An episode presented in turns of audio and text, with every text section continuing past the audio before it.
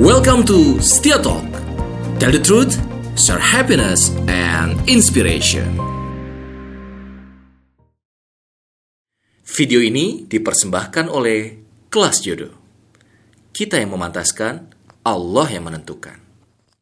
Bismillahirrahmanirrahim. Assalamualaikum warahmatullahi wabarakatuh. Apa kabar nih sahabat setia di mana pun anda berada? Masih di Setia Talks bersama saya Setia Furkon Holid. Dan hari ini tamu saya adalah tamu yang sangat istimewa. Jauh-jauh beliau sudah keliling-keliling nih ya. Dari mulai tadi katanya ada di apa di Bogor Terus juga ada di eh, Lembang gitu ya. Sekarang juga sudah ada yang nunggu beliau. Masya Allah ini orang padat. Saya culik dulu sini nih. Masya Allah. Seorang ustadz, seorang saya, seorang kiai Masya punya pondok eh, yatim yang luar biasa ya, pesantren yatim yang luar biasa. Ada puluhan hektar di sana. Padahal usianya lebih muda dibandingkan saya. Nanti kita langsung kenalan saja sama saya kalau bilangnya Kiai Sandi. Banyak orang yang Masya kiai kiai ini atau syekh gitu ya, tapi syekh muda ini kiai Masya muda. Allah. Assalamualaikum. Waalaikumsalam Ustadz warahmatullahi Sandi. wabarakatuh. Sehat. Alhamdulillah luar biasa. Masya Allah. Ini pada udah capek, tapi wajahnya masih tetap semangat ya. Hmm, gak tahu tuh. Masih fresh ya. Dan waktu awal pertama saya ketemu sama beliau sekitar Ramadan kemarin. kan. Betul. Ya, saya juga nggak kenal sebenarnya. Cuman tahu dari teman di sosmed. Eh, ini orang inspiring banget. Saya datang ke sana dan masya Allah saya terkagum-kagum. Ternyata apa yang saya inginkan, apa saya baru pikirin tuh. Saya baru ide gitu. Saya baru konsep-konsep. Beliau udah wujudkan. Masya Allah. Masya Allah gitu ya. Mabruk nih, eh, kita mau kenalan langsung nih sama eh, Ustadz Sandi ya. Ustadz ceritain dulu dong siapa anda itu. Mungkin juga ada yang nanya ini usianya Syekh ini berapa ini gitu ya. Terus juga apakah sudah married atau belum gitu. Dan tinggal di mana? Silakan. Baik, Bismillahirrahmanirrahim. Assalamualaikum warahmatullahi wabarakatuh. Waalaikumsalam Eh, warahmatullahi wabarakatuh. Manggilnya berarti si- siapa? Sahabat setia. Sahabat setia ya. Ya.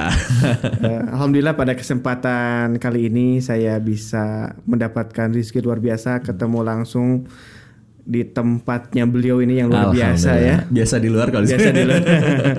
Eh, izinkan saya berke- Siap. mengenalkan diri. Nama saya Sandi Noviandi. Kalau teman-teman itu manggilnya sebenarnya Akang ya, Kang Siap, Sandi. Kang Karena Sandi memang ya. asli Sukabumi, gitu Siap, kan. siap. Kalau anak-anak santri manggilnya Abi karena memang Abi. Mereka eh, butuh sosok Butuh sosok ayah, ya. ya. Eh, jadi saya baru usianya 29 mau 30. Mau 30 di tahun ini ya. Di tahun ini Masya November. Allah. Hmm. Walaupun wajahnya mungkin kelihatan boros ya. Sama dong kita. Karena mikirin umat jadi aja. ya masya Allah ya. Eh, singkat cerita dulu saya nikah usia 21 tahun, Masya istri Allah. 19 tahun, Istri 19 masih dalam keadaan Kuliah. kuliah, betul. Dua-duanya sama di tempat kuliah yang sama. Ah, betul, Iya. tempat kuliah yang sama dan saya waktu itu kuliahnya ngambil kelas karyawan. Oke, Jadi, sambil kerja berarti. Hmm. Sambil kerja dan gaji 750 ribu. Waktu itu saya berpikir eh, ngapain lagi pacaran karena di usia SMP SMA kayaknya itu saya udah ngalamin gitu Hmm. kan udah ngalamin.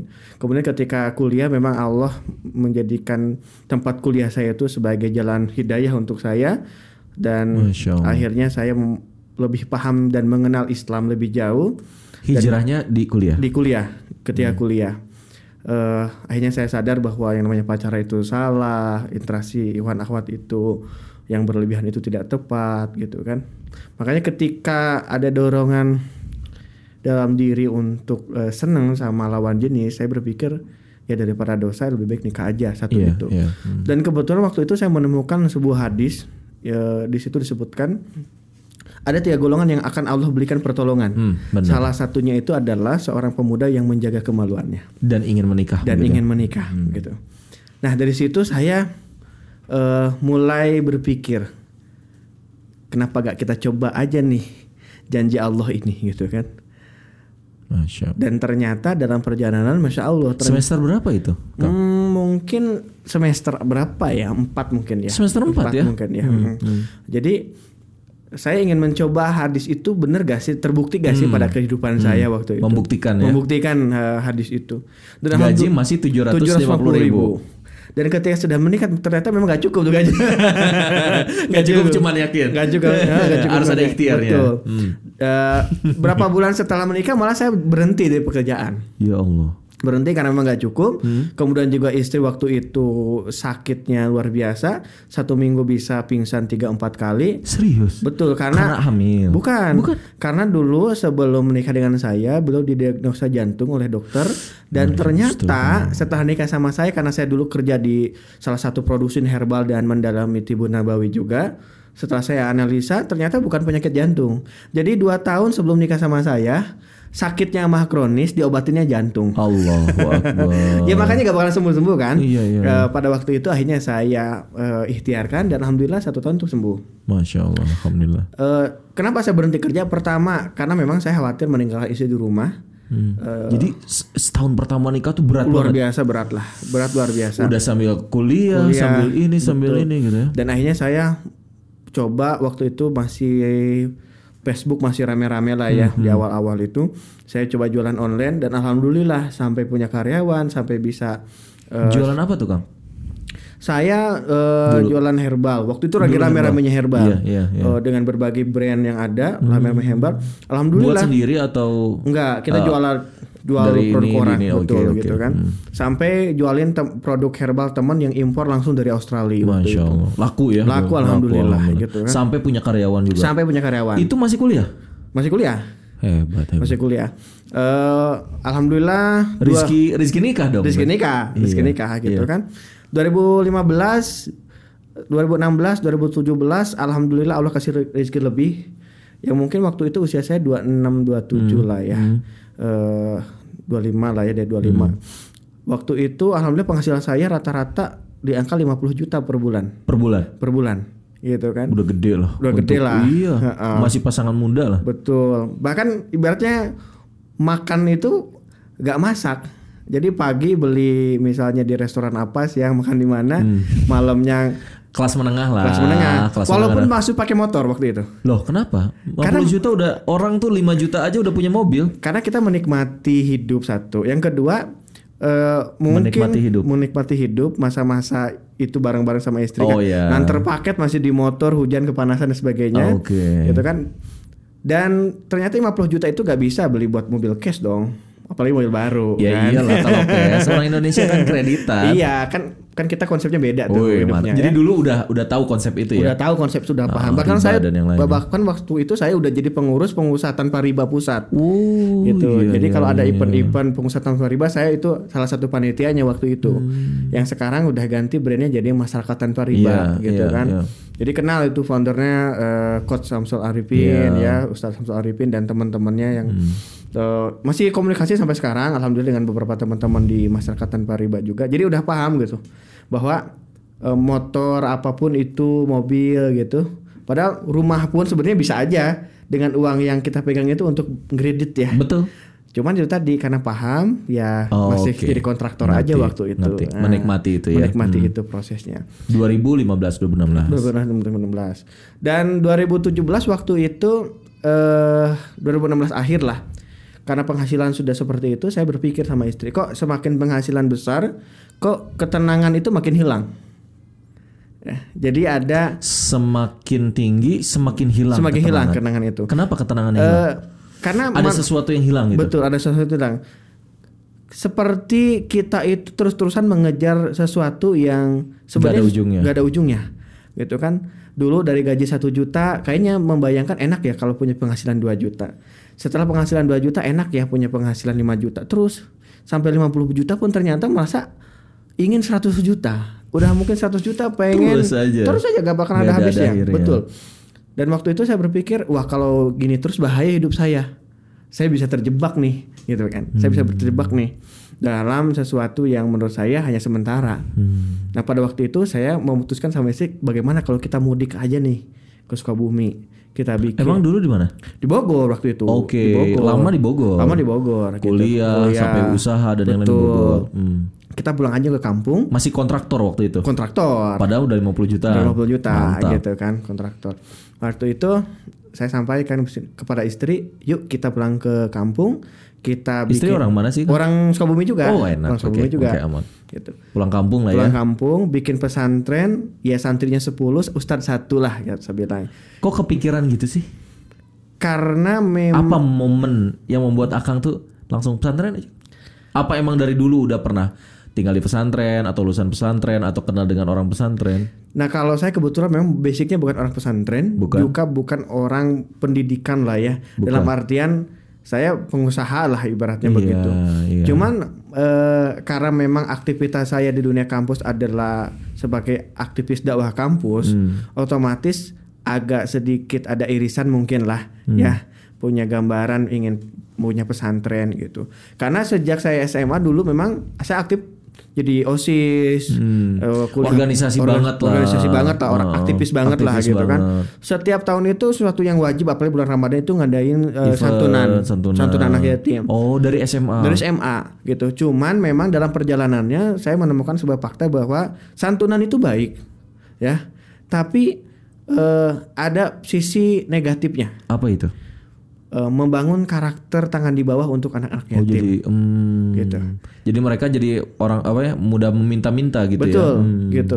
Dan ternyata yang dianjurkan oleh Rasulullah SAW itu adalah mengurus Mengurus anak yatim. mengurus anak lain. Mengurus Beda anak- bukan bukan hanya cuma santunan ya. Hmm. Dan kebutuhan mereka ini bukan hanya setahun sekali, Iya lah benar. setiap hari. Bukan cuma Ramadan aja. Bukan hanya Ramadan saja, setiap hari. Benar. Dan bukan hanya uang saja.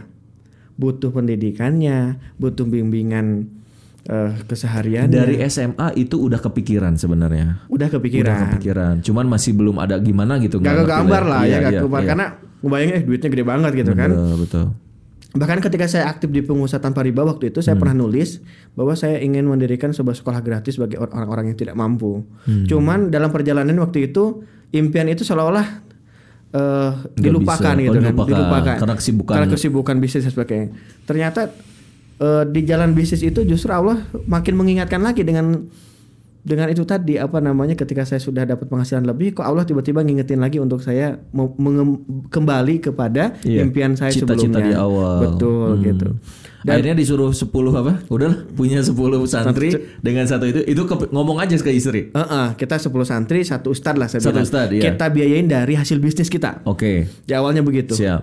Tapi dalam perjalanan ternyata luar biasa karena memang saya eh, basicnya digital marketing juga, Hmm. punya beberapa aset digital yang followernya di atas satu juta. Oh gitu ya. Eh, saya bikin konsep eh, program patungan sepuluh ribu rupiah per bulan per orang. itu yang satu juta Instagram. Instagram. Mantap. Instagram ya jadi ada beberapa akun lah ya gitu Eh, saya bikin konsep patungan sepuluh ribu rupiah per bulan per orang di luar ekspektasi saya ternyata di hari pertama program itu saya launching terkumpul dana 10 juta Enggak ini eh, coba aja gitu, asal aja dulu asal coba. aja Oke, oke. Bismillah aja lah Bismillah gitu, aja kan. gitu ya. Nah, gak serius-serius banget iseng aja gitu banget, kan ah, namanya juga cobain. punya Sepuluh ribu per hari. per bulan Oh sepuluh ribu per bulan. per bulan Oke, Gitu. siap. tapi di hari pertama Ha-ha. itu terkumpul dana 10 juta Wow, berarti ada seribuan orang. betul Iya. sepuluhan orang Eh, dan ketika itu saya kaget Hmm. dan Dari sosmed aja udah dari dapet sosmed, segitu? dari Masya sosmed. Allah ya. Dan dari situ saya berdoa sama Allah, ya Allah kalau ini baik lanjutkan, kalau ini nggak baik udah sampai sini aja. Karena ini uang amanah nih. Iya, betul, Beda betul, sama betul. uang pribadi ya bebas Betul, kita gunainnya. Ternyata tanpa saya sadari satu bulan dapat 200 juta Di awal itu. di awal itu. Ini belum mulai nih pesantren. Belum mulai, belum punya tanahnya. Fundraising dulu lah. Fundraising dulu, tanahnya belum punya, nggak tahu mau bikin di mana, ustaznya siapa, santrinya, Hmm. pokoknya serba ngalir aja Iya, gitu ya. Iya, iya, iya. Learning by doing. Learning by doing Iya. atau doing by learning. Doing by learning. doing by learning Benar, ya. benar, benar. Doing by learning. Nah, ketika itu akhirnya saya terpaksa untuk memberikan report laporan progres dari dana yang terkumpul Oke. itu. Akhirnya saya beli tanah. Mm-mm. Tanah di kampung istri waktu itu 500 meter. 500 meter 500 mulainya. meter dari uang 200 juta itu. Waktu itu harganya masih murah banget lah. Eh, sekitar Aku enam- pernah ke situ kan. Pernah ke situ ya. Yang 500 tuh yang akhirnya sekarang jadi gedung jadi gedung. hijau itu. Betul. Gedung hijau ya. Gedung hijau itu. 500 meter saya beli waktu itu. Dana terus masuk, Terus aja Terus ya? masuk. Terus masuk ya. nambah jadi 1000 meter, nambah jadi 2000 meter. Itu belum ada bangunan. Belum ada bangunan. Oke. Nah, ketika Maret 2017 saya memutuskan untuk melaku- eh, melakukan peletakan batu pertama dan kebetulan Maret 2017. Maret 2017. Mulainya tadi Januari eh, pandra- banget. jan- eh, apa fundraisingnya itu Desember. Desember. Kemudian eh, beli lahannya Januari. Januari. Januari. Maret peletakan batu pertama. peletakan batu Cepet pertama ya. Hmm. sama Pak Wakil Bupati waktu itu. 2018. 2017. Eh 2017. sorry. 2017. 2017. Kebetulan ada akses sama Pak Wakil Bupati waktu itu. Hmm. Dan setelah peletakan batu pertama karena memang melibatkan eh, pejabat ya, otomatis donatur trustnya semakin meningkat Hmm. gitu kan. Luar biasa dan dana terus masuk tuh. Masya Allah. Saya semakin kaget, Iya, semakin kaget, semakin takut dengan amanah itu. Bahkan ada. Belum serius padahal belum ini. serius. Tapi niat udah baik. Itu udah baik, belum Betul. serius. Eh, ketika itu ada arsitek ngirim desain bangunan Hmm. dan waktu itu saya terima saja begitu saja tanpa memikirkan dan mempertimbangkan berapa RAB bikin bangunan seperti ini. ya. Ternyata dalam perjalanan setelah eh, tiang jadi dan sebagainya, kok ternyata gedung ini bi- biaya pembangunannya sampai 5 m, gitu loh. Sudah dari situ saya mulai deg-degan. Deg-degan tuh apa? Mulai serius tuh di situ. Iya iya. iya. Takutnya dana amanah dari umat ini habis, bangunan nggak selesai. Paham. Gimana laporannya coba? Ya, kan ngeri gitu kan. Benar, benar, benar. Nah dari situlah mulai akhirnya Serius jadi ya? diseriusin. Oh, eh, gitu apa ceritanya. kemudian juga apa yang ada dikeluarkan gitu kan. Eh, dan alhamdulillah setahun itu jadi gedungnya. Masya Allah. Itu Jadi. yang gedung hijau. Gedung hijau jadi 5 m itu. 5 m. Jadi alhamdulillah santrinya yang tadinya niatnya hanya 10 di tahun pertama setelah gedung itu jadi langsung 70 A. Masya Allah. 70. Eh, Rekrutmen. Rekrutmen. Itu juga nggak nggak pakai ilmu apa apa pokoknya. apa pokoknya ngalir apa, aja, ngalir, ngalir, aja. aja. gitu kan ngalir aja 70 otomatis dong yang tadinya saya memprediksi bahwa cukuplah 10 santri kita biaya dari bisnis kita ternyata bisnis kita itu gak bisa ngapa-ngapain dengan Iya, 70 dengan 70 santri gitu iya, kan benar, benar, Eh, benar.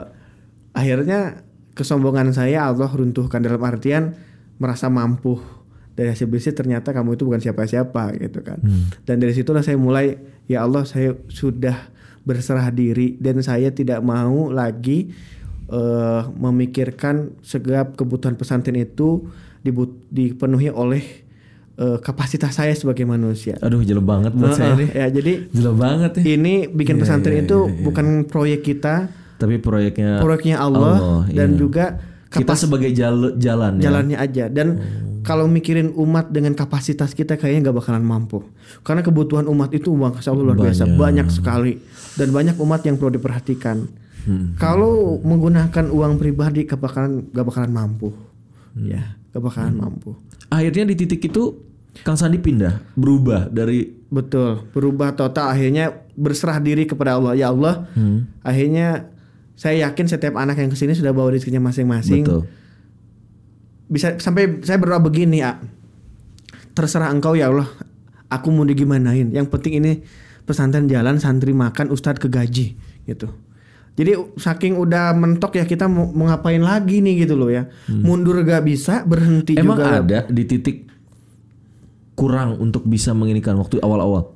eh, kurang untuk kebutuhan santri. Eh, belum pernah atau kejadian semua tuh Cuman cuman ada ketakutan, gitu. Ketakutan, Ini takutnya Ya, gimana an- nih udah antum gede ba- banyak banget gitu ya. Antum bayangin Iya, biasa iya, iya, hanya iya. memenuhi kebutuhan istri, Ngerti, anak, ngerti, ngerti, ngerti. Di kemudian usia yang masih muda. Oh, kemudian harus memenuhi kebutuhan ratusan orang. Oleh Allah dikasih amanah yang begitu besar. Dan kita gak punya pengalaman sebelum di di Iya, itu. iya iya iya ya kan? iya iya iya, ngerti. Kalau anda jadi posyandu apa paham paham. Eh, sangat pusing lah waktu itu kan. Ngerti, ngerti. Semua aktivitas bisnis akhirnya mulai di stop. Akhirnya semuanya difokuskan ke situ. Difokuskan ke pondok, ngurus pondok, ngatur keuangannya dan sebagainya gitu kan. Dan alhamdulillah sih eh, semua kebutuhan santri selalu terpenuhi. Bahkan kita memberikan fasilitas ter- terbaik, lah untuk Terbaik. mereka. Karena memuliakan anak yatim, Hmm. bukan hanya menampung anak yatim. Bukan cuma menampung tapi memuliakan. Memuliakan. Itu kunciannya. Itu kuncinya. Makanya kan kalau Apurkon pernah ke sana, meja kursinya informal gitu kan. Bener. Untuk sekelas pesantren baru ada kudanya. Bener. Uh, Kemudian ngeri. Sekarang kudanya terus juga ada tempat apa? Agrowisatanya, Wisatanya betul. luas banget. Betul. Saya bilang, ini ngapain sih gitu? Seluas itu mimpinya kok gede banget. Gitu. dan dan itu tidak pernah terencana. Beli kuda tidak pernah terencana. Gitu ya? Ngalir aja? ngalir aja. Jadi eh, ternyata setelah saya dalami karena sekarang kan banyak orang ke, ke pondoknya main Iya, iya, nanya Iya. Kemudian saya bingung harus ngasih jawaban apa. Karena saya tidak pernah belajar dan nggak ada coachnya untuk bikin pesantren gitu. Nggak ada buku yang bisa saya pelajari untuk Ya. membuat sebuah pesantren. Belum ada modelnya Belum ada yang modelnya. gitu. Iya, belum ada iya, modelnya. iya. Hmm. Cuman karena banyak yang nanya, banyak yang datang, pengen tahu apa eh, teorinya, eh, alasannya dan sebagainya. Akhirnya saya harus ber- berpikir ke belakang. Kenapa sih bisa pada sampai titik ini? Karena saya sendiri sempat bingung. ah. Kok saya bisa ya Iya. ada di titik sekarang? Gitu ya? Nggak Bingung. sadar ya? Nggak sadar. ya. Eh, Nggak sadar Kayak ada kekuatan yang memang meng- me- mengajak kita mengarahkan kita untuk sampai ke situ betul. ya. Jadi saya sendiri sekarang bingung, kok saya bisa ya? Padahal basic saya, keluarga saya, gak ada tuh yang basic-basic pesantren. bukan dari misalnya ayah ibu ulama Gak ada, apa gitu gak ada, bukan ya. Gak ada. Jadi benar-benar saya sendiri sempat bingung. Cuman karena banyak yang nanya itu tadi, akhirnya saya harus eh, menelaah ke belakang. Sebenarnya Allah itu punya rencana apa sih dengan hidup saya kan gitu loh ya. Hmm. Terus apa sih yang sudah saya alami supaya bisa saya ceritakan kepada orang yang nanya gitu kan? Hmm. Dan ternyata saya dapat mengumpulkan beberapa poin. Pertama, Pertama, pertama itu adalah bikin pesantren itu urusan hati. Bukan bukan urusan punya uang, gak punya uang, bukan urusan punya ilmu, gak punya ilmu. Karena pa- pada faktanya kenyataannya banyak juga orang kaya gak mampu bikin pesantren. betul. Banyak juga orang yang berilmu belum Betul. tentu mampu Betul, bikin pesantren. betul. Ya, ternyata urusan hati. urusan hati. Artinya niat. Artinya niat.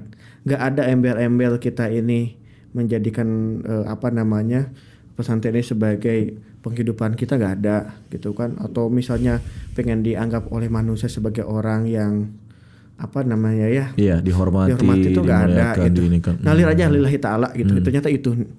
Yang kedua karena tadi kan gak punya ilmunya ya saya. Hmm. Yang kedua adalah ketakwaan kita. Karena eh, saya pernah eh, diskusi dengan seorang guru, eh, jadi menceritakan Nabi Nuh. Hmm. Ketika Nabi Nuh diperintahkan oleh Allah untuk membuat kapal, Nabi Nuh bingung. Ya Allah, aku belum pernah bikin kapal. Hmm. Dan aku gak bisa bikin kapal, kata Nabi Nuh. Kata Allah, bertakwalah kepadaku, maka aku akan membimbingmu. Gitu. Hmm. Dan ternyata dengan ketakwaan itu Allah membimbing kita setiap langkah kita. Masya Allah. Jadi kayak beli kuda, bikin konsep wakaf produktif agrowisata itu akhirnya saya sadar bahwa itu bimbingan dari Allah gitu. Luar Jalan aja gitu kan, Hmm, jalan aja. Padahal saya juga bukan orang aw- wisa apa yang bergerak di bidang pariwisata juga bukan gitu loh ya. Hmm. Dunia kuda saya kenal ketika bangun pesantren gitu loh. Hmm. Belum pernah berinteraksi dengan kuda sebelumnya Iya. gitu kan. Jadi oh itu ternyata mungkin gitu kan. Karena tadi berserah diri tadi ketika Iya. mentok Akhirnya ya di- dituntun oleh Allah. dituntun oleh Allah. Kalau kamu cuman SD, SMP, SMA, kuliah, nikah, kerja, terus punya anak, terus meninggal, ya untuk apa kalau itu sama aja dengan hewan juga bisa berkembang biak, hewan juga punya makanan, minuman gitu. Justru kalau kita ada di muka bumi ya kita harus punya suatu kontribusi gitu ya. Betul, betul. Nah, itu itu yang membuat saya akhirnya berpikir saya ketika meninggal ingin dikenang sebagai apa oleh generasi setelah saya. Gitu loh. Ya. Minimalnya kita kan sekarang suka bangga dengan sosok Salahuddin, Ya. suka bangga dengan sosok Torik bin Ziyad, Betul. suka bangga dengan Muhammad Muhammad Al-Fatih. Al-Fatih, iya. Itu kan para pendahulu kita. Mereka bisa diingat sampai sekarang ratusan Karena mereka tahun membangun sejarah. membangun sejarah. Nama mereka ditulis oleh tinta emas, gitu kan? Nah, yang jadi pertanyaannya adalah apakah kita hanya akan menjadi penikmat nama-nama besar itu, Atau kita mulai menyusun langkah. akan menyusun langkah mengikut jejak beliau-beliau itu? Luar biasa. luar Nah, ini yang sebenarnya harus kita eh, bangun dari sekarang. Eh, karena apa namanya ya? Eh, kemudian terkadang saya juga ketemu berbagai komunitas pengusaha, Hmm. Eh, pengusaha Muslim lah khususnya. Mereka selalu bilang kita harus memperbanyak pengusaha Muslim, gitu loh, agar ekonomi Islam itu bangkit. Mohon maaf, mungkin saya akan kritisi itu. Kenapa saya kritisi itu? Menarik, menarik. Karena itu tadi justru bukan banyaknya pengusaha yang muslim yang kaya bukan. Inti kebangkitan dari umat Islam itu sendiri adalah kesadaran. Kalau misalnya banyak pengusaha muslim tapi, mereka tidak sadar sedekah, Buat apa? buat apa? Ya. Justru sekarang kita balik eh, apa namanya ya pola pikirnya, mindsetnya. Bagaimana kita membangun umat Islam ini sadar sedekah, kemudian mereka sudah sadar sedekah, kemudian Allah memberikan keberkahan kepada mereka, dan akhirnya mereka menjadi pengusaha kaya. Gitu. Jadi itu yang harus kita bangun, kesadaran dulu, baru Allah memberikan keberkahan dan jadi kaya gitu loh ya. Bukan malah membangun kekayaan dulu, baru membangun kesadaran gitu loh untuk Benar, sedekah. benar, benar, ya. benar, benar. Jadi Jangan nunggu dulu kaya untuk sedekah. Betul. Sambil berjalan Sambil kamu mau kaya berjalan. justru ya kamu harus banyak sedekah banyak gitu sedekah. maksudnya betul. Jadi intinya ketika kita ingin membangun ke- kebangkitan umat Islam dari sisi ekonomi, maka yang harus kita bangun adalah kesadaran umat Islam dari sisi pemahaman zakat, Zakat, infak, infak, sedekah. sedekah. Bukan malah memperbanyak orang muslim yang kaya. Bukan memperbanyak orang Karena kaya aja kalau nggak mau sedekah ngapain, gitu ngapain maksudnya. gitu betul. loh ya. Betul. Jadi intinya adalah itu. Hmm. Karena umat Islam tuh punya kekuatan yang luar biasa apa? Berjamaahnya, Hmm. berjamaah. Dan Kang Sandi merasakan itu. Insya Allah. Udunan 10 ribu Udah sepuluh ribu jadi pesantren. bukan cuma pesantren. Berapa hektar sekarang? 20 hektar. Tiga tahun 20 hektar. 3 tahun 20 hektar. Dan semuanya insya Allah produktif lahannya. dan insya Allah semuanya produktif. Saya kan kepoin, kepoin terus Facebooknya. Hmm. Kemarin jahe, kemarinnya lagi lihat ini udang, kemarinnya lagi terus aja inovasi. Kemarin apa lagi tutup apa sih? Pakai Greenhouse. Gitu. Greenhouse. Apa sih buat apa itu? Jadi eh, kita pesantren berbasis riset. Jadi ketika kita ingin Pesantren berbasis berbasis riset. betul. Jadi ketika kita ingin mengembangkan perikanan, Hmm. maka kita harus membuat riset dulu tentang dunia perikanan. Hmm. Ikan apa yang cocok di sana, kemudian juga yang low risk lah ketika kita kembangkan gitu Hmm. kan. Sama di pertanian juga di greenhouse khususnya kita bikin dulu greenhouse kecil untuk hidroponik, riset berhasil, kemudian kita bikin dalam jum- dalam jumlah yang Banyak. besar. Mm-mm. Dan alhamdulillah berhasil. Hmm. Dan alhamdulillah berhasil. Dan alhamdulillahnya Itu adalah belajar dari mana? ya itu tadi eh, Jadi, ngalir aja. ngalir aja, langsung ngalir aja. Belajar dari pengalaman, belajar langsung ke orang gitu Betul, ya. ngalir Dicoba, aja. digagal, Terka- dicobain betul. lagi. Terkadang gitu. Allah mengirimkan orang-orang ahli untuk Masya Allah. kayak misalnya begini, ketika saya ketemu seseorang Ah. yang ahli misalnya di dunia pertanian, Hmm. saya selalu berpikir Allah punya rencana apa ngirim orang ini ke sini, Gitu ya. Heeh. gitu kan? Berarti ada pesan Allah nih kenapa Allah ngirimkan orang ini ke sini. Karena begini eh, Afurkon ya, Eh, ketika sedekah itu kan urusan hati ya, Setuju. bukan urusan punya uang nggak punya uang. Betul. Jadi eh, bayangkan saya bukan tokoh dan lembaga saya juga lembaga baru, tapi Iya. kenapa orang kok percaya menitipkan Nah, amanah itu. uangnya Ya, ke itu, bingung aku lembaga juga. kami, Iya. gitu kan? Karena ternyata itu perkara hati. Kalau kita Hmm. mengetuk pintu rumah orang kaya, berapa rumah yang harus kita ketuk untuk membangun sebuah pesantren yang tadi saya sebutkan? Hmm. Kayaknya capek ya, Iya. bikin proposal, pergi sana, pergi sini, Ditolak sana, ditolak tolak sana sini. sini gitu kan. Tapi kalau kita yang la- kalau kita melakukannya itu adalah dengan mengetuk pintu Allah, sekali aja alur jalurnya gitu loh ya. Allah yang akan mengetuk hati-hati orang. Ah, Allah yang akan mengirimkan orang-orang kaya tadi untuk datang ke pondok. Saya mau berkontribusi dong, saya mau bantu dong gitu. Insya Allah. Dan mindset yang kita bangun kita balik bahwa donatur yang butuh kita, Hmm. bukan kita yang butuh donatur. Kenapa? Kita jadi jalur. Jadi jalur Jadi jalan. kebaikan, mereka. Kebaikan. Hmm. Karena eh, sunatullahnya seorang muslim itu pengen punya bekal untuk dibawa pulang ke akhirat, Iya. ya kan? Benar. Tapi dia sibuk bisnis. Iya. Dia Nggak sibuk punya kerja, waktu. gak Kita punya kelola. waktu. Nah, kita datang hadir sebagai solusi, Solusi bagi mereka. bagi mereka. Oke lah, antum silahkan fokus di bisnis, aku silahkan fokus di eh, jadi profesionalnya. Masalah Iya. untuk bekal ke akhirat, ya antum bisa titipkan ke kami. Betul, betul. Kami akan kasih report laporannya, gitu loh, ya. Kang, Kang, yang unik nih, yang unik ya. Yang aku lihat betul. Anda bukan siapa-siapa katanya. Lembaga Anda juga bukan yang udah terregister dan NGO NGO Ah. Islam besar lah gitu ya. Kenapa sih orang bisa percaya? Ya itu juga saya gak, Ya gak oke punya urusan jawabannya. hati. ya oke lah kalau misalnya urusan hati iya gitu kan. Mungkin ah, ya pertanyaan saya juga dibalik gitu misalnya. Emang yang NGO NGO besar itu nggak pakai hati gitu kan? Kita juga Iya. nggak tahu kan kita nggak bisa ngejudge juga gitu ya. Tapi kan maksudnya eh, secara lahiriah lah gitu ya. Apa sih yang membuat yang sepuluh ribu sepuluh ribu itu continue istiqomah bahkan orang-orang besar juga akhirnya ya oke aku mau ini ini ini. Eh, pertama kita memilih segmentasi donatur itu yang berbeda dengan NGO lain. Ketika NGO lain mungkin mencari para donatur yang sudah agnia ya udah kaya. Agnia, udah kaya. Kalau kita eh, mengsegmen segmentasi donatur kita itu 35 tahun ke bawah. Bahkan sejak Serius? Betul. Dari awal sampai sekarang? betul dari 35 tahun ke bawah. Ya, aku aku lah ini semua, semua gitu. milenial-milenial. Uh, satu karena jaluran pemasaran kita di sosial media. Hmm. Artinya di usia itu mereka uh, lebih cenderung berinteraksi di dunia sosial media. Betul. Kemudian juga uh, saya berpikir bagaimana itu mengedukasi umat untuk sadar sedekah. Hmm. Bukan rebutan orang-orang kaya yang sudah sadar sedekah direbutin sama beberapa NGO. Ngerti, ngerti, Jadi, ngerti, ngerti. orang- Justru ini mengedukasi yang dia masih belum ngeh di situ. Belum ngeh di situ. Iya. Apalagi milenial orang-orang baru yang orang-orang punya baru. punya semangat, tapi masih masih kemampuannya masih cuman segini Nah, ah, iya. gitu ya. Tapi kami ingin menyadarkan bahwa ke depan orang-orang yang tadi mungkin biasa sedekah 10.000 ribu ketika dia masih kuliah menyisihkan uang jajan mereka untuk sedekah. Bayangkan ketika dia lulus kuliah, Hmm, kemudian kerja, hmm, udah punya penghasilan sendiri, hmm. gak mungkin 10.000 ribu lagi dong. Betul.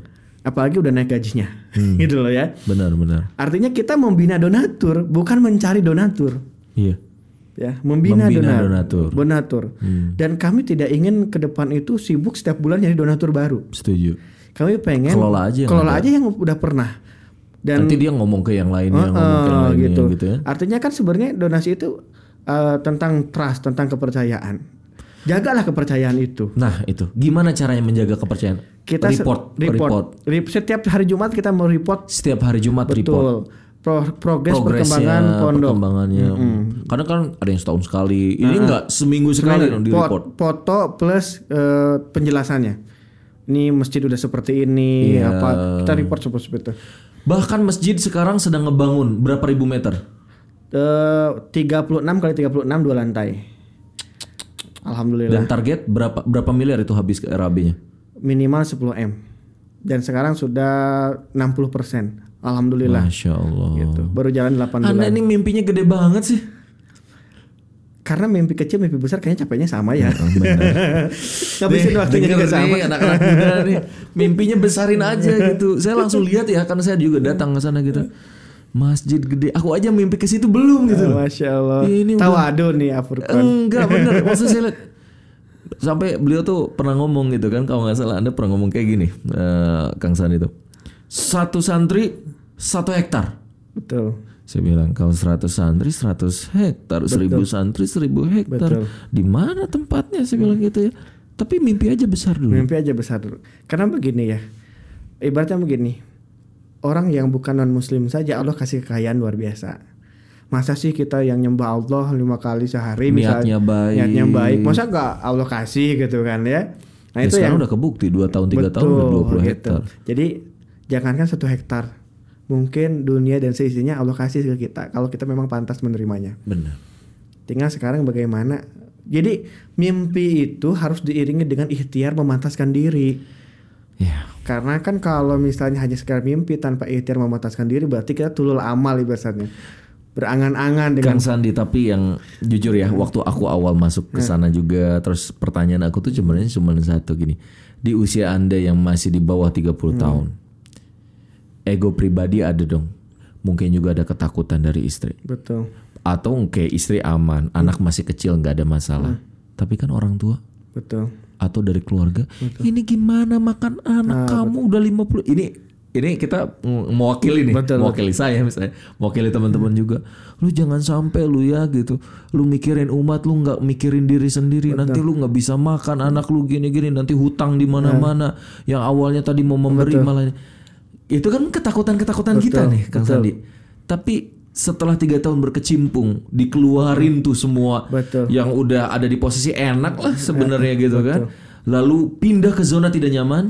Betul. Tidak Ya, nyaman memang betul. Bahkan saya juga suka lihat posting-posting di mana katanya ada yang nggak suka lah, ada yang inilah, ada yang inilah. Kan Anda berarti mengambil resiko. Betul. Kok bisa? eh pertama saya berpikir bahwa hidup ini sekali. Kalau kita mencari jalan aman kayaknya nggak nggak berkesan hidup ini ya. Jadi eh gini A, kita itu nikmatnya minum ketika haus. Hmm, ya. saya jadi mau minum. Minum ya, ya, minum. Ah. Nikmatnya makan ketika lapar. Nikmatnya tidur ketika lelah. Jadi saya berpikir bagaimana supaya akhir kehidupan kita itu nikmat. Makanya kalau kita lihat para ulama-ulama muklis itu ketika meninggal itu wajahnya cerah bercahaya gitu loh ya. Iya, iya. Kayaknya bahagia tenang banget. Kalau kita kayaknya ngadepin kematian itu kayaknya menakutkan gitu ya. Apalagi kalau malaikat udah ngasih kode gitu. Wah kayaknya udah gemeteran agak jelas lah, ambiar lah ibaratnya gitu ya. Eh, tapi dengan kita bersusah payah dalam perjuangan mencari jalan sulit di tengah-tengah orang mencari jalan mudah, eh saya berharap bahwa ketika di akhir hidup saya, saya menikmati itu, bahwa hidup saya sudah saya wakafkan untuk sesuatu yang menurut saya berharga, yaitu apa kontribusi terhadap Islam. Terus gimana dengan keluarga? keluarga, pertama alhamdulillah Pernah nggak ada? betul, Eh, ada, Ada. Tapi kalau istri Kan alhamdulillah manusiawi banget Manusiawi kan? Manusiawi So, banget kan? Kalau istri alhamdulillah karena memang punya impian yang sama, eh, mendirikan lembaga yang gratis. Nah ini yang nggak mudah nih, Nggak nggak mudah. nih. Alhamdulillah istri punya impian yang sama dan istri gak pernah nuntut apa pun, nerima apa adanya. Masya Allah. Eh, kemudian kalau dari keluarga ada, kok kamu bikin pesantren gratis di tengah yang lain bikin pesantren bayar, Bayar. gak rugi apa? Ada yang bilang begitu. Cuman saya bilang kita bukan sedang transaksi dengan manusia, kita sedang transaksi sama Allah. Dan dalam semua eh, apa ilmu yang saya dapatkan bahwa bertransaksi dengan Allah itu tidak pernah ada yang rugi. Kemudian juga saya pernah dinasihati oleh guru saya, kamu harus ngurusin umat Islam maka urusanmu akan Allah urus langsung. Iya. Intan surullah yang suruhkum wa yusabit akdamakum. Tolong agama Allah, Allah akan tolong kamu, Allah ujamkan kedudukan bumi. Tuh. Nah, sebenarnya spirit-spirit itu sudah Allah gambarkan. Tapi kadang kita Kurang kayak kayak gak percaya kan? Ah, kayak itu gak percaya. meng- menginikan janji Allah gitu, membuktikan janjinya betul, Allah betul. ya. Nah, eh, contoh begini Afurkon. Nah. Eh, saya mungkin akan menjelaskan kepada teman-teman Sahabat setia. ya? sahabat setia ya. Jadi ibarat sebuah film, Hmm. ibarat sebuah film, Allah itu punya skenario gitu. Skenario yang sangat panjang. Ibaratnya itu dari zaman Nabi Adam sampai nanti yaumil akhir itu ada skenario nya. Yang kita kenal mungkin dengan Lahul Mahfuz. Iya. Yang kita kenal dengan Lahul Mahfuz. Nah, biasanya dalam film itu suka ada trailernya kan? Iya. supaya penonton itu penasaran kapan Hmm. munculnya Benar, gitu kan. betul, betul. Oh, itu Supaya penasaran ya. Adegan apa sih gitu kan ya. Eh, nah ternyata Allah pun ada trailernya dalam skenario Allah itu yang kita kenal dengan bisaroh Rasulullah SAW. Hmm. Ketika itu Rasulullah mengatakan bahwa nanti eh, Persia itu akan dirobek-robek oleh Allah seperti mereka itu merobek-robek suratnya Rasulullah. Bahwa nanti Konstantinopel itu akan Allah akan diruntuhkan, akan ditembus temboknya itu dan sebaik-baiknya pemimpin adalah pemimpinnya dan sebaik-baik pasukan adalah pemasukannya. Bahwa nanti Roma akan Allah bebaskan. Bahwa nanti di yaumil ah- di hari akhir jam, zaman akhir itu ada Dazal, ada Imam Mahdi, ada Yajuj Ma'juj, ada pasukan Panji Hitam dari timur dan sebagainya, ada Marhamah Kubro di Syam. Itu ada trailer.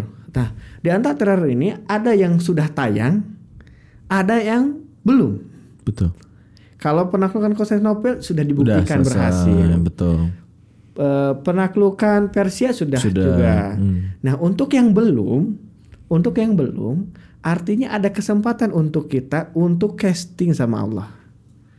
Untuk casting sama Allah. Ceritanya nih, Menarik, menarik, menarik. eh, ibarat film itu ada serinya kan. Mungkin kita sedang casting untuk seri yang belum muncul, gitu loh ya. Menarik, menarik. Nah, ketika kita casting, kemudian kita tuh diterima oleh saudara, siapa saudaranya Allah, Hmm.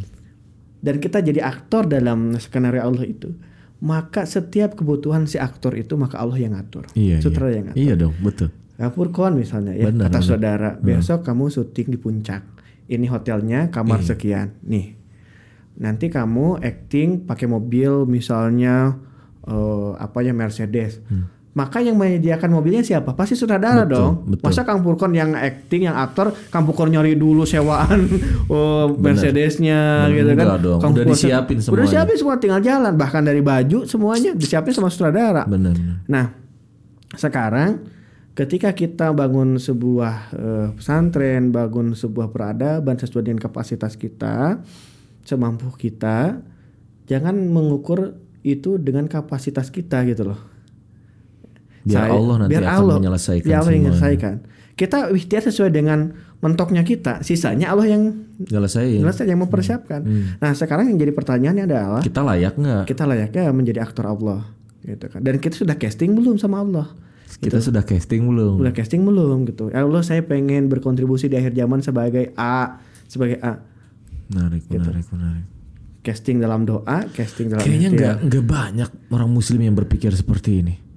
Ya gak tahu saya juga nemu bahasan ini ketika sudah dua tahun lebih mendirikan pesantren karena banyak yang nanya tadi. Oh. Akhirnya saya Oh, merenung. waktu awal tuh enggak. nggak tahu, nggak paham. Enggak, waktu awal tuh enggak. Nggak punya- Saya ingin ini. Enggak, oh, enggak. sambil jalan sampai menemukan kayaknya ini deh. Heeh. Gitu. Ketika orang banyak nanya, Justru karena banyak nanya, akhirnya Ayo, berpikir ulang. berpikir ulang, gitu Ini kan? saya mau bawa ke mana nih? Heeh, dengan dengan yang ini nih saya, gitu. betul. Eh, ketika banyak nanya, saya harus punya jawaban dan saya mencari jawaban itu dari apa yang telah saya alami. Iya, iya. gitu kan? Oh ternyata begini oh ternyata begitu gitu. Jadi saya pun kalau cerita gak bohong dalam artian saya udah ngalamin itu gitu lah ya. Nah ini sebenarnya. Makanya saya selalu sampaikan kepada teman-teman yang perlu dilakukan. Kalau antum belajar ke pesantren yatim cara bagaimana funding cara bagaimana maintenance donatur manajemen pondok kayaknya banyak pesantren yang jauh lebih jago di masalah itu. Banyak juga NGO yang sudah jalan lama di masalah itu. Jangan belajar ke kita yang baru saya bilang gitu kan. Hmm. Kurang tepat kalau belajar dari sisi itu gitu kan.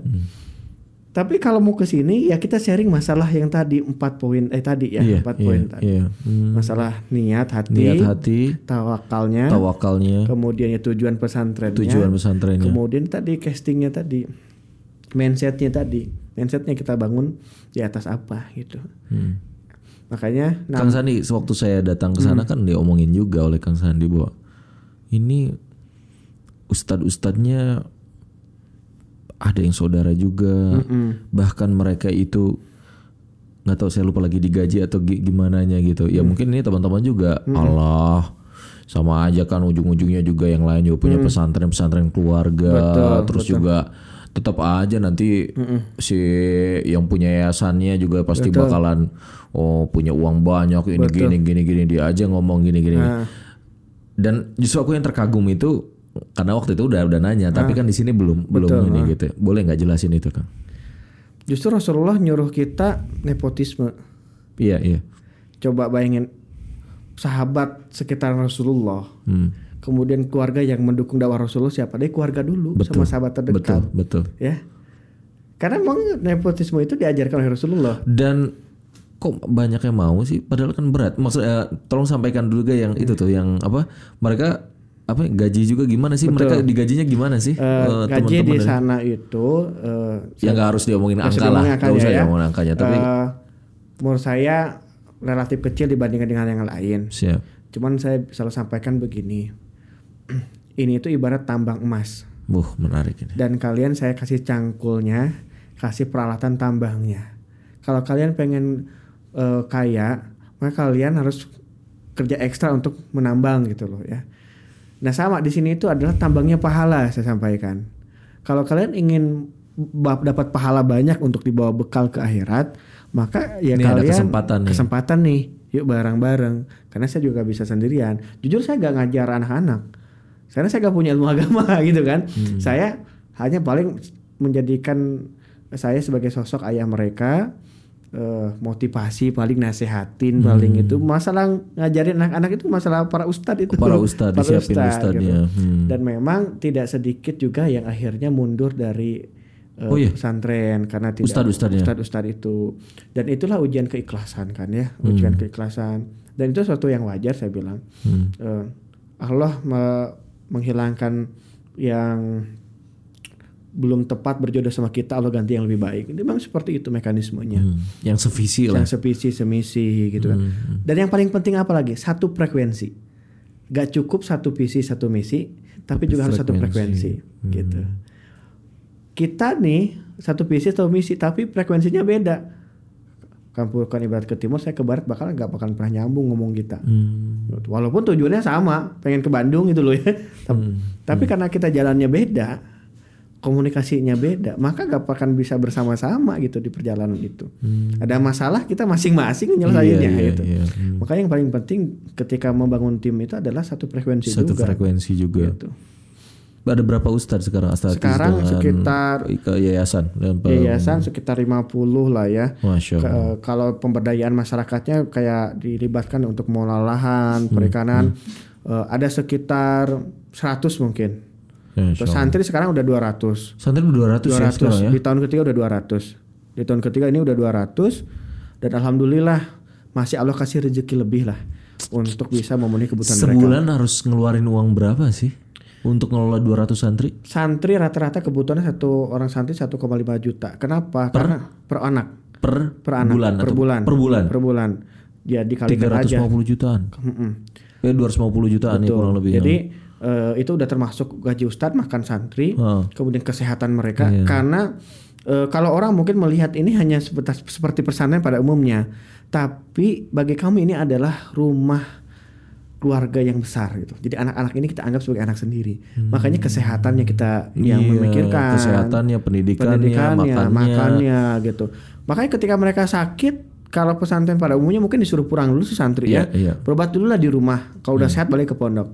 Kalau kita Enggak, ya cover kita obatin semuanya, cover betul. semua. Itu yang bikin eh, cukup luar biasa lah. Eh, Tapi karena tujuannya mulia Allah kasih. alokasi selalu cukupi kok ya. Eh, selalu cukupi insya Allah. Makanya itu tadi urusan hati. Karena kalau urusannya Gak pernah matematika ada takut bulan ini eh, itu eh, Afurkon jadi atau justru semakin justru makin banyak makin gede aja. jadi gini, ketika Covid ini donasi itu meningkat 30%. Wow. Bukan turun ya Bukan justru. turun. Karena apa? Karena kita membangun chemistry dengan donatur. Itu tadi bahwa mereka itu kita bina. Kita bangun kesadarannya. Bahwa ketika masa sulit itu justru donatur Harus itu banyak bersedekah. harus banyak sedekah gitu. Iya, Bukan iya. malah dengan alasan Covid mereka itu malah aduh nggak dulu lah. nggak dulu gitu lah kan, karena iya. misalnya ini Bukan enggak. gitu ya. Tapi justru makin banyak. Betul. Fisaro wadorro Betul. dalam kemudahan dan kesulitan Betul, tetap bersedekah. tetap. Makanya kita kan eh, program 10.000 ribu itu nominalnya kecil tapi istiqomah karena yang dikejar ada berkah gitu. Itu asli emang sepuluh ribu banyak. Sepuluh ribu banyak, sepuluh ribu. Makanya Jangan-jangan cuma tagline aja sepuluh ribu. Sebenarnya mah ada sejuta, juga, ada juga yang ribu. lebih. Kalau yang sudah sadar dan punya kelebihan rezeki ada yang lebih dari sepuluh ribu. Tapi karena memang itu program edukasi ya, Hmm. bukan hanya sekedar program penggalangan dana, kita tetap akan melakukan itu sampai kapan pun sepuluh ribu. Itu orang kalau mau mau ini transfer sepuluh ribu bisa ya? Sepuluh ribu bisa, bisa. Hmm. Gitu. Bahkan kan kita sekarang fasilitasnya sih melalui uh, GoFi, Dana, Iya, Oppo, iya. Link Oh, iya, aja, jadi lebih, lebih mudah. lebih mudah gitu. Di semua ini merchant bisa Boleh gitu bisa ya. gitu. Karena kan basic saya digital marketing, jadi yang begitu-begitu harus ada lah gitu ya. Benar benar. Bahkan ketika lembaga besar yang lainnya belum sadar, saya udah mulai duluan untuk bikin Menarik, link aja menarik, menarik. Hmm, dan sebagainya gitu. Karena segmentasi market donatur kita itu tadi 35 tahun ke bawah. ke bawah. Jadi kita gak rebutan sama yang eh, NGO-NGO besar. Kalaupun Allah ngasih bonus donatur yang besar ya kita anggap itu ya hadiah dari Allah. Bonus ya dari Allah ya. Tapi segmennya jelas Segmen 35 yang jelas, tahun ke bawah. SMP, SMA, kuliah, rumah tangga SMP muda. ada? Ada SMP. Bahkan ada anak sekolah yang ngajak teman-temannya. Masya Allah. Dia satu kelas itu, eh kita ikutan yuk di sini gitu kan. Ada yang begitu. Bahkan ada yang satu kantor setiap gajian donatur kita tuh ngajakin teman-temannya. Kok bisa ketahui sih? Karena biar laporan, Oh. konfirmasi. Kang, ini dari teman-teman sekantor, alhamdulillah ikutan. Ah, gitu ya. Sepuluh ribu ditagihin sama dia. Dan mereka banyak nggak yang datang ingin bukti, Banyak, ingin lihat, banyak. ingin oh iya ini Banyak. oh yang saya sedekahin itu bener ada Bener, ini ada ini. gitu sampai mereka nginep eh, menu makannya bener gak sama karena kan kadang kalau ke sana tamu itu kita ajak makan bareng santri Iya, biar tahu menu makannya itu nggak ada Oke. ibaratnya settingan memang menu makannya itu gitu loh ya Hmm. nginep apa ikut kegiatan santri sok silakan aja gitu Hmm. dan kita mohon maaf merasa mereka merasa oh bener, nih benar gitu ya. gitu. Heeh. dan mereka merasa bahwa kok saya mendapatkan sesuatu yang berbeda ketika hadir di tengah anak-anak Hmm. dan itu yang membuat mereka itu akhirnya semangat berikhtiar mencari rezekinya yang tadinya berikhtiar mencari rezeki hanya untuk dirinya banyak donatur yang sudah ke sana dan pulang itu dia semangat nyari rezeki itu untuk melebihkan sedekahnya untuk anak-anak Kang, tapi sebenarnya gini ya, ada sebenarnya jujurnya ya, kalau yang namanya anak yatim piatu atau juga duafa. Kadang kan dia punya masa lalu. Betul. Kadang kalau kata orang Sundanya hese di Atur ya. atur Heeh. gitu ya. Susah diatur, orangnya ya pinter-pinter lah gitu ya. betul. Aduh, gini-gini ada yang mau pulang lah misalnya atau juga ya gimana? Itu emang terseleksi atau memang ada aja ujian-ujiannya berat gitu. Ada anak yang gini, ada anak yang gitu. Itu gimana sih 200 orang tuh nggak mudah loh. Beda kan gini, misalnya ada anak orang kaya ya, oh, terdidik, educated, well educated gitu loh. Ini kan kalau menengah ke bawah pasti banyak masalah-masalah dari keluarganya, orang tuanya, nggak cukup cuma dirinya gitu. Mm, Ibaratnya kita mengumpulkan anak-anak dengan berbagai latar masalah, Masalah. dikumpulkan di satu tempat. Iya. Memang akhirnya harus banyak ngelus dadanya. Sabarnya harus besar. Harus sabarnya luar biasa. Makanya saya juga kadang menganalisa kenapa sih Rasulullah bilang aku dan yang ngurusin anak yatim kedudukannya di surga sama saya itu seperti dua jari kan gitu ya. Akhirnya saya menemukan jawaban itu. Artinya untuk dapat satu surga sama Rasulullah itu ada harga yang harus Perjuangan dibayar. dong, gitu ya. Ada harga yang harus dibayar gitu kan. Saya pernah ngalamin santri kabur pagi. Santrinya itu orang Bogor ya. Dan dia gak punya duit, gak tahu itu bisa sampai ke Bogor bagaimana. Mungkin naik mobil bak lah, numpang lah bagaimana. Kita nyari sampai jam 12 malam dari pagi. Semua ustadz saya suruh untuk keluar nyari, koordinasi sama polisi- kepolisian dan sebagainya. Khawatirnya ke rumahnya gak nyampe, ke pondok gak balik. Gimana kita ngelaporan? Hmm, sering ngalamin kayak gitu ya tapi ya gimana lagi gitu loh memang di angkatan pertama dan kedua karena memang tadi niatnya yang penting yatim eh, kita gak pernah seleksi. Ya masuk aja. Iya, iya. Eh, tapi di yang angkatan ketiga ini kita seleksi. Karena yang daftar makin banyak sedangkan kapasitas kita terbatas otomatis eh, kita seleksi dong ya. Makanya eh, terkadang lima bulan sebelum penerimaan santri baru kita kasih eh, syarat-syarat kalau mau mondok di sini. Hmm. pertama di rumahnya minimalnya hafal huruf hijaiyah dulu. Iya, iya, iya.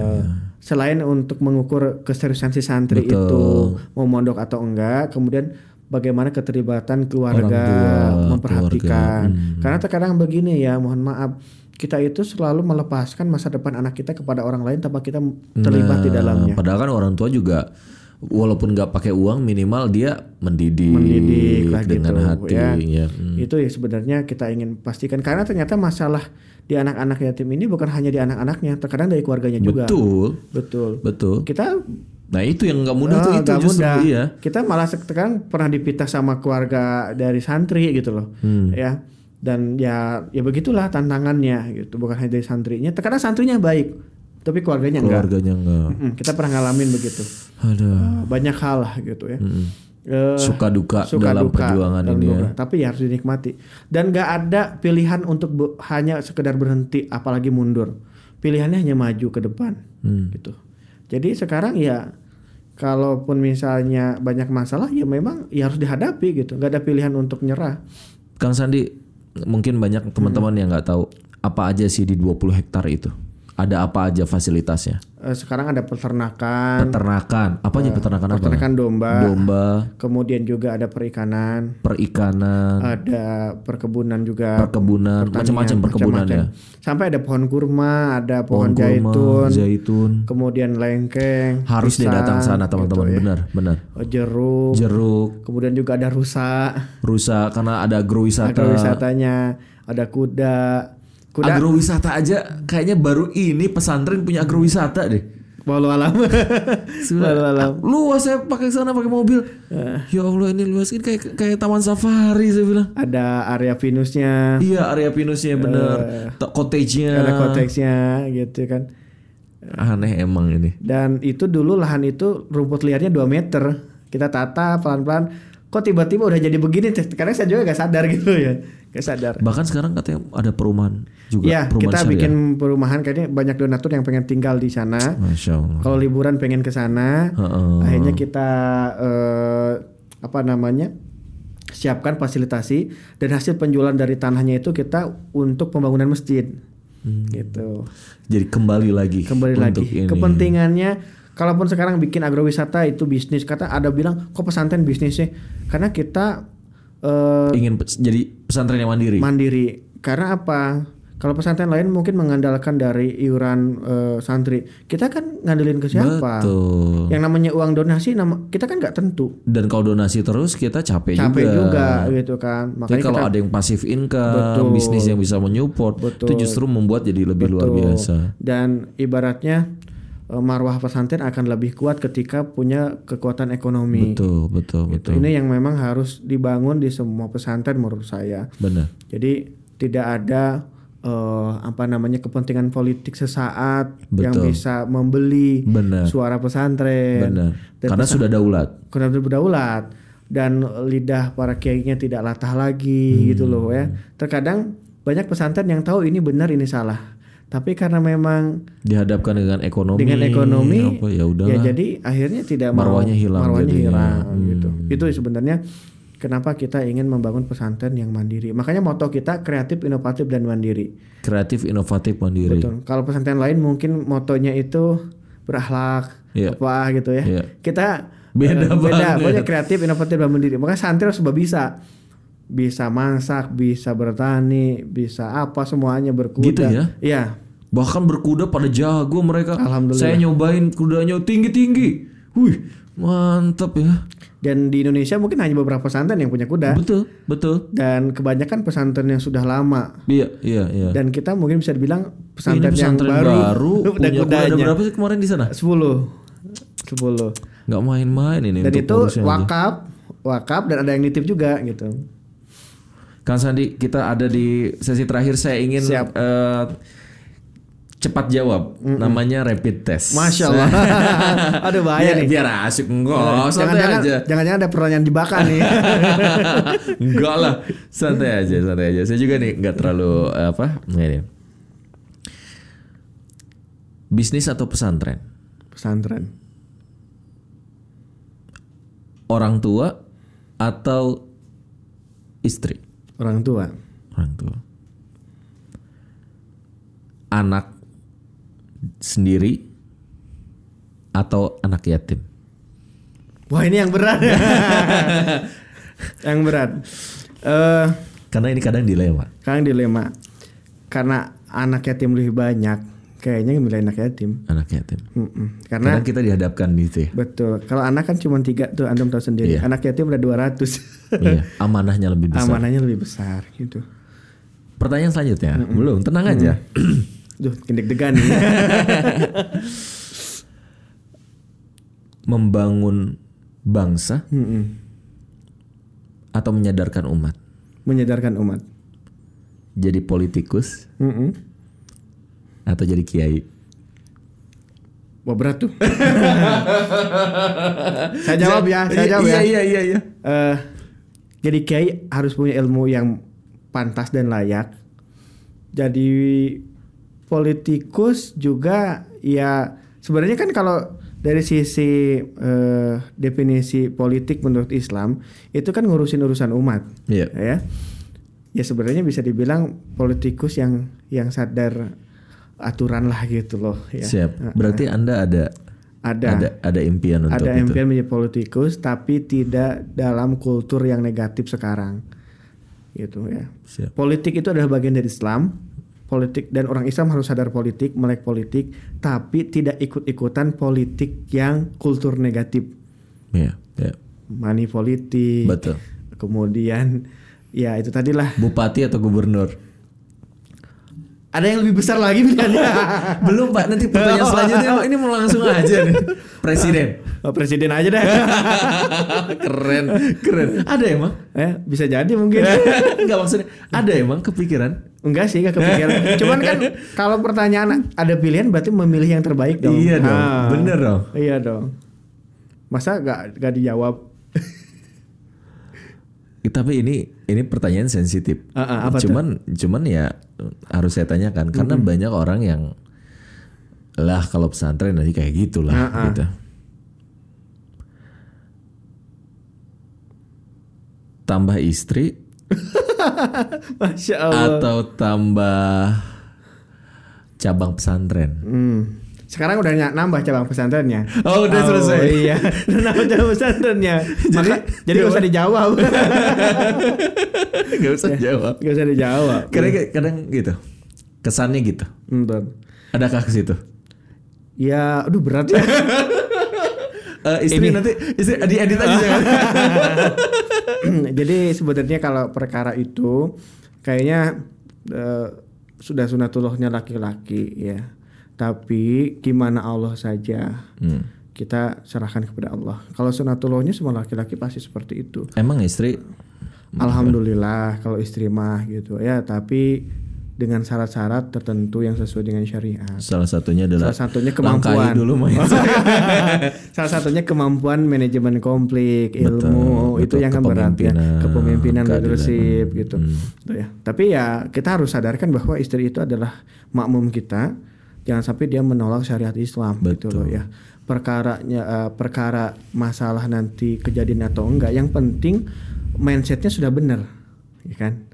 Mindset sudah benar bukan berarti jadi pelaku dong. Yang penting dia sudah tahu hukumnya. Gitu. Jangan sampai eh, mindsetnya keliru, apalagi prakteknya pasti lebih keliru gitu kan. Betul, betul. Jadi dibangun dari kesadaran tadi. Yang Iya. penting istri udah sadar dulu lah. Masalah nanti kejadian atau enggak, itu kan berarti ya takdir qadarullah dari Allah kan. Kang, pertanyaan terakhir saya. Apa sih impian terbesar Kang Sandi ini? Kalau ngomongin tadi legacy, Heeh. saya ingin dikenang sebagai apa? Saya ingin dikenang sebagai orang yang mempersiapkan generasi pembebas al Palestina. Palestina. Palestina. Di Karena zaman akhir nanti. di zaman akhir nanti. Jadi ketika Al-Mahdi Allah turunkan karena Al-Mahdi itu turun tanpa mukjizat, pasti banyak orang yang menghindar. Saya berharap santri-santri saya justru ada orang-orang pertama kali yang merapat. Yang percaya. Sebagaimana para sahabatnya Rasulullah ketika eh, di Jajih Arab keluarga Rasulullah menghindar, maka hanya orang-orang tertentu saja yang mendukung dakwah beliau. Saya berharap santri-santri ini menjadi orang-orang yang paling pertama untuk membersamai pemperjuangan Al-Mahdi. Amin. Dan itu yang kami persiapkan. Amin, amin ya Allah. Dan eh, terlepas dari keadaan politik sekarang di Indonesia, kita mempersiapkan saja yang terbaik. Betul. Tidak harus ikut-ikutan dalam kepentingan eh, politik Sesaat, ya. yang ada di Indonesia. Kita persiapkan Kita saja. mimpinya besar. Mimpinya gitu besar. Ya. Bisa Kayaknya bahkan melampaui generasi. ya, Melampau, iya, melampaui generasi dan melampaui kapasitas Indonesia. Betul, Ya, betul, karena Islam ini seluruh dunia, bukan Indonesia. betul, betul. Uh, jadi pemikiran itu yang harus kita bangun dan saya berharap semua pesantren memiliki mindset yang sama. Hmm. Masya Allah. Kang Sandi, ini ada di perjumpaan terakhir kita di ngobrolnya kita terakhir. Tapi saya minta Kang Sandi bagi teman-teman nih yang ingin juga ini karena kalau saya milenials, jadi 35 tahun ke bawah sama berarti segmen yang sama. Betul. Ada yang misalnya ingin berdonasi 10.000 ribu, itu gimana caranya Kang Sandi? Boleh eh, disampaikan mungkin sekarang?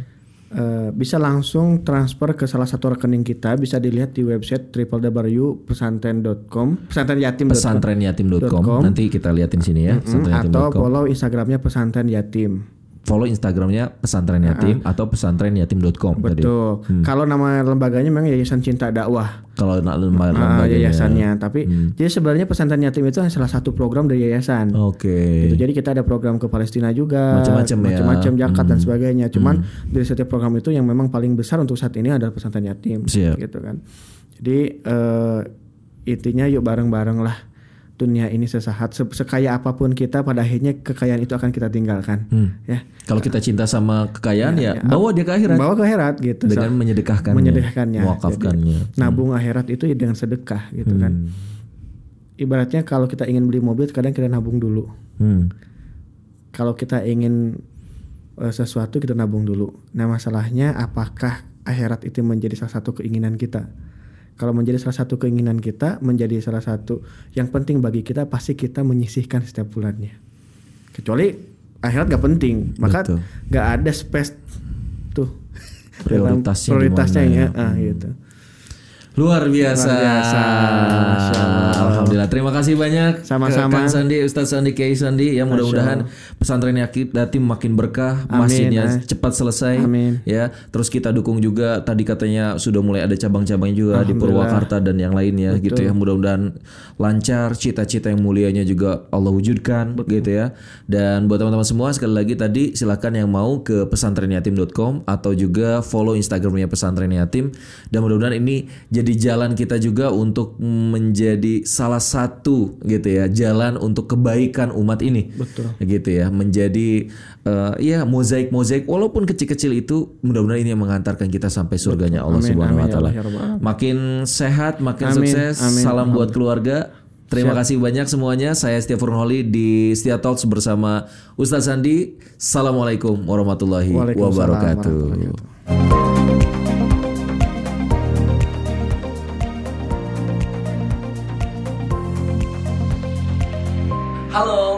teman-teman semua yang udah menonton tayangannya ini dan mendapatkan manfaat juga inspirasi, jangan lupa untuk like, comment, share, and subscribe ya. Insya Allah membuat kita semakin semangat untuk bisa memberi inspirasi lagi.